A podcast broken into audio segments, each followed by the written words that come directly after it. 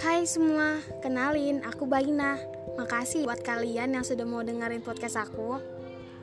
Di podcast ini aku bakal share cerita-cerita mengenai hal-hal yang buat seseorang agar bisa jauh lebih percaya diri. Gak minder, gak merasa gak pede, dan masih banyak hal-hal yang lain. Dan kadang-kadang di podcast ini aku juga cerita mengenai hal-hal horor yang aku suka dan semoga kalian suka sama podcast aku. Makasih. Bye bye.